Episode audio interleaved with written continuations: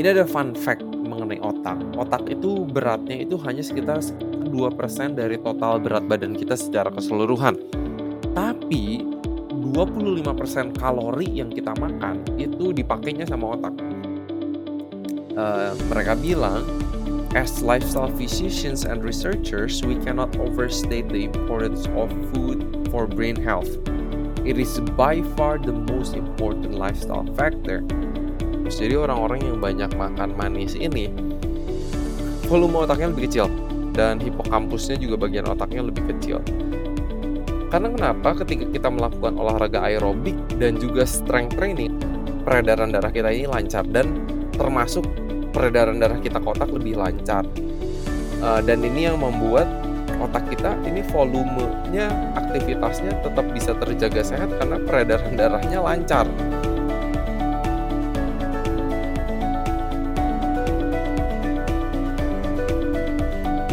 Semuanya, selamat datang lagi di podcast Sehat Seutuhnya season yang kedua bersama saya Will Yonas. Episode kali ini kita akan melanjutkan rangkuman bagian kedua dari buku The Alzheimer Solution dari Dean and Asia Sergey. Keren banget bukunya, aku sangat menikmati selama ini karena bukunya mungkin awal-awalnya agak susah dicerna karena banyak pakai istilah medis juga. Tapi sekarang kita akan mau ngebahas ngerangkum solusi yang mereka tawarkan. Apa sih solusi gaya hidup sehat yang bisa kita lakukan supaya kita bisa memprotek, melindungi otak kita? Karena ternyata dari apa yang kita makan, kita olahraga atau enggak, jam tidur kita gimana, stress management, hubungan sosial kita itu semua berpengaruh banget sama kesehatan otak kita. Dan singkatan yang dimiliki oleh Dr. Dean dan Aisyah Serjai ini adalah Nuro. Kalau Nuro ini istilah untuk syaraf gitu kan. Jadi mereka pakai istilah ini untuk menjadi solusi buat penyakit Alzheimer ini. Jadi yang pertama ini nutrition, yang kedua ini exercise, yang ketiga itu adalah unwind, yang keempat adalah restorative sleep, dan yang kelima ini adalah optimize. Jadi yang akan kita bahas dulu di part 2 ini adalah nutrition dan juga exercise. Bagaimana apa yang kita makan itu bisa mempengaruhi kesehatan otak kita. Dan aku setelah aku pikir-pikir lagi kenapa penting banget untuk memperhatikan gaya hidup sehat kita yang mempengaruhi otak. Karena sedih banget ketika contoh aku ngeliat nenek aku dulu uh, secara fisik masih oke, okay, uh, masih bisa beraktivitas, tapi ketika sudah mulai lupa-lupa itu sangat sedih gitu. Jadi secara fisik sehat tapi secara otaknya itu sudah mulai mengecil dan lain-lain itu sangat menyedihkan. Walaupun banyak faktornya ya. Kalau di kasus nenek aku sendiri pun itu karena stroke karena stroke juga sangat berpengaruh. Anyway, solusi dari mencegah atau reverse Alzheimer disease the, dari tulisan buku Dr. Dean dan Asya Serjai, pertama nutrisi. Nah, by the way, ada quote dulu nih yang aku lupa. Pengen sharing quote yang aku suka banget dari buku mereka. Mereka bilang kayak gini, Brain health can only be achieved through whole body health. Jadi kesehatan otak itu benar-benar emang bisa dicapai kalau kita memperhatikan uh, keseluruhan kesehatan kita kesehatan fisik kita, kesehatan tubuh kita. Nah, dan yang pertamanya adalah nutrition. Ini ada fun fact mengenai otak. Otak itu beratnya itu hanya sekitar sekit, hanya sekitar 2% dari total berat badan kita secara keseluruhan. Tapi walaupun beratnya hanya 2% ini 25% kalori yang kita makan itu dipakainya sama otak. Jadi ini bisa di perhatikan dari jumlah kalori yang diserap atau digunakan oleh otak aja, apa yang kita makan itu sangat-sangat berpengaruh sama otak. Apakah yang kita makan itu memberi lingkungan yang sehat atau justru lingkungan yang kurang baik yang bisa merusak otak? Karena kalau pola makan kita nggak sehat, ini bisa mengarah kepada peradangan, inflamasi. Bayangin aja inflamasi itu kalau teman-teman kejeduk gitu kan, benjol, sakit, uh, biru, merah, ada rasa panas. Nah, kalau kita makan yang nggak sehat, itu tuh terjadi di pembuluh darah kita, di dalam tubuh kita. Uh, terus kalau kita makannya juga nggak sehat, ini akan uh, menyumbang kepada penyumbatan pembuluh darah di otak atau pembuluh darah kita ke otak. Jadi suplai suplai darah oksigen itu kurang maksimal ke otak. Lalu juga kalau misalnya nutrisi kita tidak terpenuhi dengan baik, uh, susah untuk sel-sel otak ini bisa mempertahankan kesehatannya dan bahkan kemampuannya juga untuk membuat sel-sel yang baru. Dikatakan dia quote juga dari buku ini uh, mereka bilang as lifestyle physicians and researchers we cannot overstate the importance of food for brain health.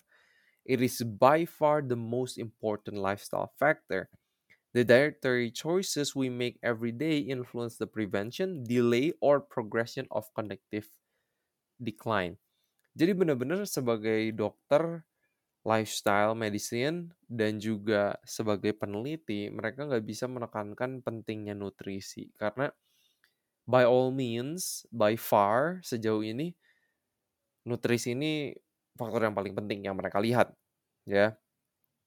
Dan uh, pola makan yang mereka sarankan adalah sekali lagi whole food plant based diet pola makan yang berbasis nabati seutuh mungkin sedikit makanan-makanan proses yang kita konsumsi itu akan menjadi sangat baik karena contoh penelitian dari Loma Linda, California di antara orang Kristen Advent ini udah cukup banyak menunjukkan bahwa orang-orang yang makan daging itu lebih beresiko terkena demensia dibandingkan dengan orang-orang yang vegetarian.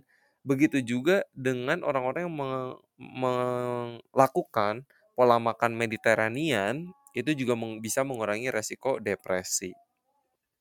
Lalu yang ditemukan oleh di dunia-dunia penelitian juga adalah bahwa konsumsi makanan hewani, daging itu berkaitan dengan meningkatnya resiko diabetes, penyakit jantung, hipertensi, yang akhirnya bisa juga mengganggu kesehatan otak. Sedangkan manfaat konsumsi makanan nabati untuk resiko kognitif, diabetes, penyakit jantung itu juga udah jelas gitu bahwa makanan nabati ini menurunkan semua resiko penyakit yang bisa merusak kesehatan otak kita. Sebenarnya yang jadi concern-nya juga adalah yang ditemukan sejauh ini adalah dengan lemak jenuh yang ada di makanan hewani. Jadi hubungannya cukup kuat. Hubungan ketika konsumsi lemak jenuh kita semakin banyak, resiko Alzheimer juga lebih tinggi dan lemak jenuh ini banyak ditemui di daging, di susu, telur, ya khususnya kalau telur itu di kuningnya dan tingkat kolesterol yang tinggi juga di dalam darah itu juga berkaitan dengan resiko Alzheimer yang lebih tinggi. Nah, kalau makanan nabati sebaliknya, karena makanan nabati mengandung serat, serat ini bisa mengurangi tingkat kolesterol dan itu juga bisa mengurangi resiko Alzheimer disease. Nah, mungkin salah satu nutrisi yang banyak uh, diketahui oleh masyarakat umum juga yang bagus buat otak adalah omega 3. Gimana dengan omega 3? Ini yang mereka tulis dari bukunya ya. Jadi plant-based fats, lemak-lemak yang dari makanan nabati yang monounsaturated, polyunsaturated yang ada di kacang-kacangan, biji-bijian, alpukat, olives, itu tuh sudah berkaitan dengan resiko Alzheimer's disease yang lebih rendah. Dan juga omega 3 ini memang Oh by the way tadi monounsaturated sama polyunsaturated itu tuh bukan omega 3 ya.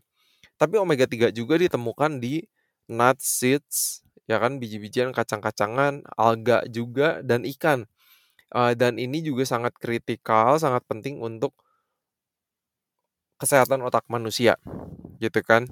Jadi uh, ditemukan di penelitian-penelitian orang-orang yang tingkat omega 3-nya tinggi di dalam darah itu lebih sedikit terjadinya penyusutan otak dalam periode 8 tahun dari sebuah penelitian. Nah, kalau misalnya kita nggak makan ikan, gimana dong dengan untuk mendapatkan uh, omega 3? Dari kacang-kacangan, sayuran hijau itu juga ada omega 3-nya. Walaupun nggak terlalu banyak banget yang bisa dikonvert jadi DHA dan EPA. Jadi kalau Dr. Dean Orne, ah sorry Dr. Uh, Dean dan Asya Serjai itu menyarankan kalau kalian eee, pemakan nabati, nggak makan ikan, disarankan untuk, eee, minum suplemen omega 3 dari alga, eee, 250 miligram DHA DHA per hari. Eee, kenapa Dokter Dian dan Asya Sharjai ini memilih untuk tidak mengkonsumsi ikan? Oleh karena ikan ini eee, banyak pencemaran juga yang sudah ditemukan sekarang. Jadi mereka lebih ngelihat sama risk and benefits-nya. Eee, walaupun penelitian jelas menunjukkan bahwa maksudnya ikan mengandung omega 3 dan itu bisa membantu otak kita, eee, tapi buat teman-teman yang memilih untuk tidak makan ikan, ini yang mereka sarankan, ya ini yang mereka sarankan. Karena, eee, sebenarnya mereka tulis di bukunya dengan sangat jelas dan aku suka banget approach yang mereka punya. Jadi yang mereka ingin tekankan adalah bukan mengajak orang juga untuk misalnya contoh jadi 100% vegan. Karena mereka bilang kayak gini, aku kutip ya dari bukunya, "Though current research points to an ideal diet for brain health, a whole food plant-based diet, low sugar, with little meat and dairy, numerous study have also proven the incremental steps toward brain healthy eating have tremendous benefits." Jadi, eee, contoh penelitian-penelitian yang menunjukkan bermanfaat juga untuk, eee, kesehatan otak kita dari segi nutrisi adalah Mediterranean diet. Mediterranean diet ini sebuah pola makan di mana yang disarankan mayoritasnya adalah nabati. Mereka masih mengkonsumsi daging, ikan, tapi itu bukan menjadi yang utama dan bukan berarti juga di setiap makan itu selalu ada. Jadi sebenarnya itu ada juga penelitiannya. Jadi kita nggak bisa juga menutup mata dari data-data itu. Bukannya orang yang masih mengkonsumsi daging itu nggak bisa, eee, sehat, karena kesehatan keseluruhan juga ini bukan hanya dari faktor makanan, tapi dari banyak faktor. Nah, eee, tadi balik ke topik soal lemak jenuh atau saturated fat. Eee, coconut oil gimana? Minyak kelapa. Kalau dari mereka yang ditulis, mereka tidak rekomen, oleh karena tinggi lemak jenuhnya.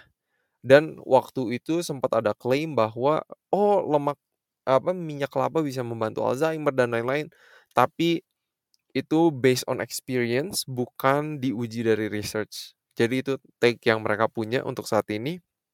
Lalu, eee, waktu itu ada juga orang yang bertanya, mereka cerita sebuah so soal pasien mereka yang bilang, bukannya omnivora diet yang makan banyak daging ini dan low karbo ini bagus juga buat otak karena orang-orangnya hidup sampai, eee, umur panjang juga. Orang Eskimo salah satu contohnya yang mereka ambil contoh. Orang Eskimo ini banyak makan daging dan ikan dan low karbo. Katanya umur panjang, tapi ternyata hasil otopsi mereka dari salah satu penelitian di Kanada, kebanyakan mereka ini punya penyempitan pembuluh darah dan penyakit jantung.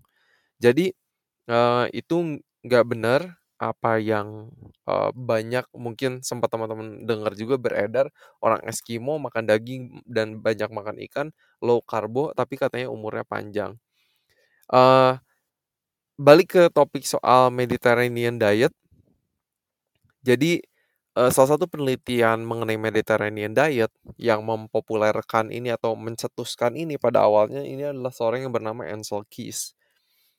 Dan betul, eee, pola makan Mediterranean diet ini bisa mengurangi resiko Alzheimer's dan demensia. Pola makan yang dimaksud, yang ditemukan oleh, eee, Ansel Keys ini adalah yang mayoritasnya dimakan adalah sayuran, kacang-kacangan, buah-buahan, whole grains, nuts and seeds. Terus dikutip, ini saya kutip dari bukunya ya, "The main source of fat is olive oil." Lemak mereka banyaknya dari olive oil. Fish was consumed roughly once a week. Meat was consumed only once or twice a year. Jadi ikan itu rata-rata cuma dikonsumsi sekali seminggu dan daging itu hanya 1 sampai 2 kali dalam satu tahun. Inilah Mediterranean diet yang bisa mengurangi resiko Alzheimer's disease, eee, yang diteliti oleh Ansel Keys. Ya, jadi juga bukan makan daging atau ikan tiap hari atau rutin, gitu ya. Dan kalau banyak juga yang bertanya, eee, daging putih lebih baik nggak nih dari daging merah? Tapi daging putih ini juga menjadi sumber asupan kolesterol dan lemak jenuh yang terbanyak justru kalau di Amerika. Karena orang kan banyak juga makan Kentucky Fried Chicken dan lain-lain, McDonald's, dan itu yang eee, menjadi sumbangsih kepada kolesterol dan lemak jenuh yang banyak. Ini juga hal-hal yang ditulis oleh penulisnya. Inilah makanan-makanan yang perlu dihindari, processed foods, processed meat, eee, daging merah, daging putih, gorengan, margarin, butter, alkohol, minuman manis. By the way minuman manis juga, eee, nggak bagus buat otak, banyak penelitiannya. Jadinya coba lebih mindful sama makanan-makanan bungkusan, ketika kita beli jus di tempat makan biasanya itu dikasih gula tambahan lagi, kita beli minuman bungkusan ada gula tambahannya lagi, dari snack-snack, pokoknya banyak banget sebenarnya gula tambahan yang biasanya kita makan di keseharian kita juga gitu. Jadi, eee, ini penelitian 2017 dari Framingham Longitudinal Study, eee, high sugar consumption was associated with low hippocampal and total brain volumes. Jadi orang-orang yang banyak makan manis ini volume otaknya lebih kecil dan hipokampusnya juga bagian otaknya lebih kecil. Obesitas juga ternyata ada hubungannya dengan penurunan fungsi kognitif, makanya kenapa menjaga pola makan, menjaga untuk mencapai berat badan kita yang normal, ini sangat baik juga untuk otak kita. Karena orang-orang yang obesitas itu ternyata, eee, bagian otak yang namanya white matters, di mana itu saraf-saraf banyak juga ada di sana, itu juga berkurang ketika seseorang itu obesitas. Dan obesitas juga ini dibilang dramatically accelerate the process of cognitive decline. Jadi secara dramatis itu mempercepat penurunan fungsi kognitif. Jadi hati-hati teman-teman, eee, kita perlu lebih bijaksana lagi dengan apa yang kita makan. Fokus dengan mayoritas banyak makan sayur buah, biji-bijian, kacang-kacangan, pokoknya pola makan yang seimbang. Ketika teman-teman masih mengkonsumsi makanan hewani, eee, itu coba treat itu atau gunakan makanan hewani ini sebagai makanan yang spesial. Jadi bukan setiap hari banget dikonsumsi, tapi mungkin, eee, kita coba dengan Meatless Monday, eee, Meatless Tuesday, atau makan daging misalnya di weekend, gitu kan. Anyway, itu mengenai nutrisi, bagaimana makanan kita ini bisa mempengaruhi otak, eee, bagus banget dari tulisan buku ini.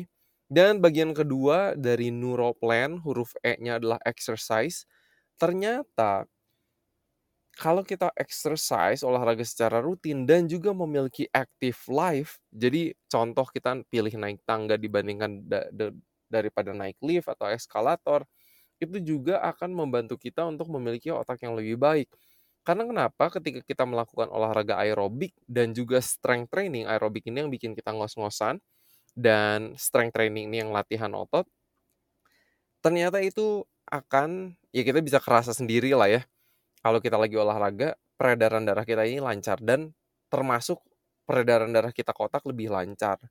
Eee, dan ini yang membuat otak kita ini volumenya, aktivitasnya tetap bisa terjaga sehat karena peredaran darahnya lancar. Lalu juga, eee, white matter sekali lagi itu tempat di mana saraf banyak-banyak di situ, eee, di white matters ini ditemukan, kerusakan-kerusakan atau amyloid plaques ini di orang-orang Alzheimer. Tapi ketika kita rutin olahraga, kita menjaga white matters ini tuh tetap baik sehingga komunikasi antar bagian otak kita itu tetap lancar. Lalu juga ketika kita olahraga, ternyata jumlah sel di otak kita itu bisa bertambah.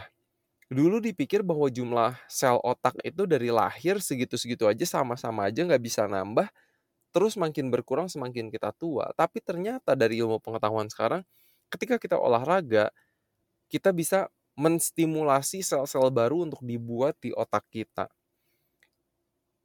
Terus ketika kita olahraga juga ada satu senyawa nih, senyawa kimia dalam tubuh kita yang namanya brain derived neurotrophic factor atau BDNF singkatannya. Ini juga yang membuat, eee, sel-sel kita ini tetap terjaga, tetap sehat. Ini senyawa yang mempromosikan, eee, ngebenerin ngebenerin sel yang udah mulai rusak di otak kita, membuat sel-sel baru ini dengan senyawa BDNF ini dan senyawa BDNF ini meningkat ketika kita olahraga. Lalu selanjutnya olahraga juga bisa mengurangi peradangan di dalam tubuh kita. Ini akan otak kita akan sangat berterima kasih kalau misalnya kita olahraga. Lalu yang selanjutnya ada satu hormon yang namanya kloto. Ini ba baru hal baru juga buat saya, cukup menarik. Hormon yang berkaitan dengan longevity dan juga protection against cognitive decline. Dan satu penelitian menunjukkan bahwa hanya olahraga 20 menit saja aerobic exercise, contohnya kita ikut zumba, kita ikut senam yang ibu-ibu suka gitu kan atau kita lari, hormon ini bisa meningkat dan melindungi kita dari penurunan fungsi kognitif. Jadi teman-teman, wah banyak banget pokoknya manfaat olahraga buat otak. Kalau peredaran darah ke otak kita lancar juga, teman-teman bisa membuat keputusan-keputusan dalam kehidupan yang lebih baik, lebih matang. Kalau teman-teman olahraga secara rutin, teman-teman juga menjadi orang yang lebih disiplin. Teman-teman juga bisa memiliki mood yang lebih baik. Teman-teman juga akan tidur memiliki kualitas tidur yang lebih baik karena teman-teman olahraga rutin dan itu sangat mempengaruhi banyak aspek di dalam kehidupan kita. Ini penting banget teman-teman, uh, aku juga semakin semangat lagi untuk olahraga karena ternyata emang olahraga terlalu banyak banget manfaatnya. Kalau misalnya kita lewatkan itu sayangnya sayang banget. Bahkan buat orang-orang misalnya teman-teman punya orang tua, kakek nenek yang mungkin ada masalah lutut lah, ada masalah ankle lah, ada masalah di hip atau panggul, kan macam-macam ya tiap orang.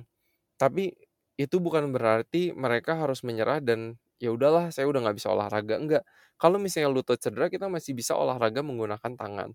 Latih otot tangan kita otot bahu atau bicep atau tricep uh, itu masih bisa kita latih semua gitu kan tapi kita butuh semangat kalau misalnya tangan lagi cedera kita masih bisa jalan pagi gitu kan uh, cari alat-alat yang bisa membantu coba juga ke fisioterapis atau misalnya ke dokter rehabilitasi medik mereka bisa membantu kalian juga kalau misalnya ada masalah-masalah seperti ini. Karena sayang banget kalau misalnya kita nggak olahraga, otot cepat menyusut, otak kita nggak dapat manfaatnya. Buat yang lagi cedera gitu, biasa berenang juga adalah yang hal yang baik karena ini low impact, sangat ringan, nggak ada beban untuk uh, apa ya sendi-sendi kita, joints kita.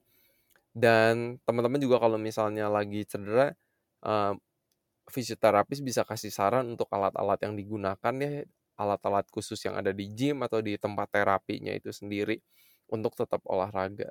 Bahkan penelitian-penelitian menunjukkan juga olahraga-olahraga yang terlihat sederhana seperti tai chi, ballroom dancing, ternyata juga sudah bisa menunjukkan bahwa bisa memperbaiki kondisi otak dan memperlambat penurunan fungsi kognitif atau cara berpikir. Ini ada beberapa mitos dalam berolahraga juga yang pengen dipatahin sama uh, Dean dan Asia Sergey. Mereka bilang exercise myth yang pertama adalah if you are not running you are not exercising. Kayaknya olahraga tuh ke sana kayak harus capek, harus lari gitu. No, olahraga tuh nggak harus kayak gitu. Ya, disesuaikan dengan kemampuan masing-masing dan goal masing-masing juga. Terus mitos yang kedua adalah if you cannot use your legs, you are not getting a good workout. Enggak juga gitu. Kalau kaki lagi cedera, kita olahraga tangan itu akan tetap banyak manfaat yang bisa kita dapat. Lalu mitos yang ketiga, all you have to do is work out for 20 minutes and then you can relax for the rest of the day. Kadang kita ngerasa udah olahraga, ya udah kita punya sedentary lifestyle, duduk-duduk aja kerja di depan komputer. Tapi diusahakan menurut Dean dan Asya Sershai ini kita tetap harus aktif gitu walaupun kita udah olahraga tapi kita mungkin ketika kita lagi kerja di depan komputer setiap satu jam sekali kita jalan lima menit kah itu perlu tetap kita lakukan mitos yang keempat no pain no gain enggak juga kita nggak harus selalu harus ada pain baru kita bisa gain baru kita ngerasa oh kita udah olahraga dengan benar. Nggak nggak harus kayak gitu juga. Lalu mitos yang kelima, you can work through injuries. Ini mitos kelima, mitos keenam, you need to take protein powders and supplements to build muscles when you are working out. Nggak harus minum protein powders atau suplemen untuk membangun otot, teman-teman. Kita bisa mendapat protein itu semua dari makanan yang kita makan. Mitos yang ketujuh, if you didn't exercise you when you were young, it's dangerous to start when you are older. Kalau kita nggak olahraga dari muda, bahaya nih kalau kita baru mau mulai di usia tua. Itu mitos. Udah tua sekalipun dan mau mulai olahraga, kita perlu mulai. Memang kita perlu mulai pelan-pelan, safety nomor satu jangan sampai cedera jangan sampai masalah malah jadi nggak bisa olahraga. Tapi it's never too late to start to exercise. Mitos yang terakhir yang disampaikan oleh penulis adalah working out at the gym is better than working out at home. Ini juga mitos karena ketika kita olahraga di rumah kita bisa mendapatkan manfaat yang sama latihan gerak dengan gerakan-gerakan yang menargetkan otot-otot yang sama dan banyak sekali manfaatnya untuk otak. Teman-teman itu nuro uh, dua rangkuman awal mengenai nutrition dan exercise bagaimana itu bisa mempengaruhi otak kita. Jadi teman-teman semoga setiap kali kita makan, setiap kita memilih apa yang kita makan, kita olahraga atau enggak, kita bisa lebih aware teman-teman dengan ilmu yang kita punya di zaman sekarang ini. Yuk kita membuat pilihan-pilihan yang lebih sehat karena otak kita akan berterima kasih sama kita puluhan tahun ke depan. Apa yang teman-teman tabur hari ini mungkin gak akan dituai sekarang. Ah, gue masih bisa mikir biasa aja. Oh, saya masih bisa. Uh, ya normal lah ya otak kita berjalan dengan normal gitu. Tapi apa yang kita tabur pelan-pelan kita nggak tahu gitu apa yang akan terjadi di usia 50, 60, 70, 80 karena kita pengen sebaik-baiknya memiliki kualitas hidup yang maksimal. Setuju nggak teman-teman? Kita lakukan yang terbaik dengan informasi apa yang kita punya di zaman sekarang. Semua teman-teman boleh perhatiin tuh cut down on sugar, ya kan? Udah gitu juga lebih fokus kepada makanan-makanan nabati yang seutuh mungkin teman-teman mau nyebutnya itu clean eating mau nyebutnya plant based diet mau nyebutnya flexitarian diet I don't care. Yang penting teman-teman fokus dengan makanan-makanan nabati. Yang seutuh mungkin salami mungkin hindari gula-gulaan processed foods dan olahraga secara rutin. 5 sampai 7 kali seminggu. Itu yang disarankan. Jadi teman-teman kita nanti akan next akan lanjut di part yang ketiga bagian yang terakhir dari buku The Alzheimer Solution untuk melihat tiga bagian terakhir dari Alzheimer Solution yang ditawarkan oleh Dean dan Asia Serjai. Kalau teman-teman mendapatkan podcast ini bermanfaat, share ke teman-teman yang lain, share ke keluarga, orang tua, kakek nenek yang kalian kasihi supaya mereka boleh memperlambat uh, menurunkan resiko dari Alzheimer's disease ini atau demensia yang lupa bikin kita lupa-lupa dan sedih banget ketika orang-orang punya ini. Itu episode kali ini. Harapan saya seperti biasa, semoga kita sehat seutuhnya.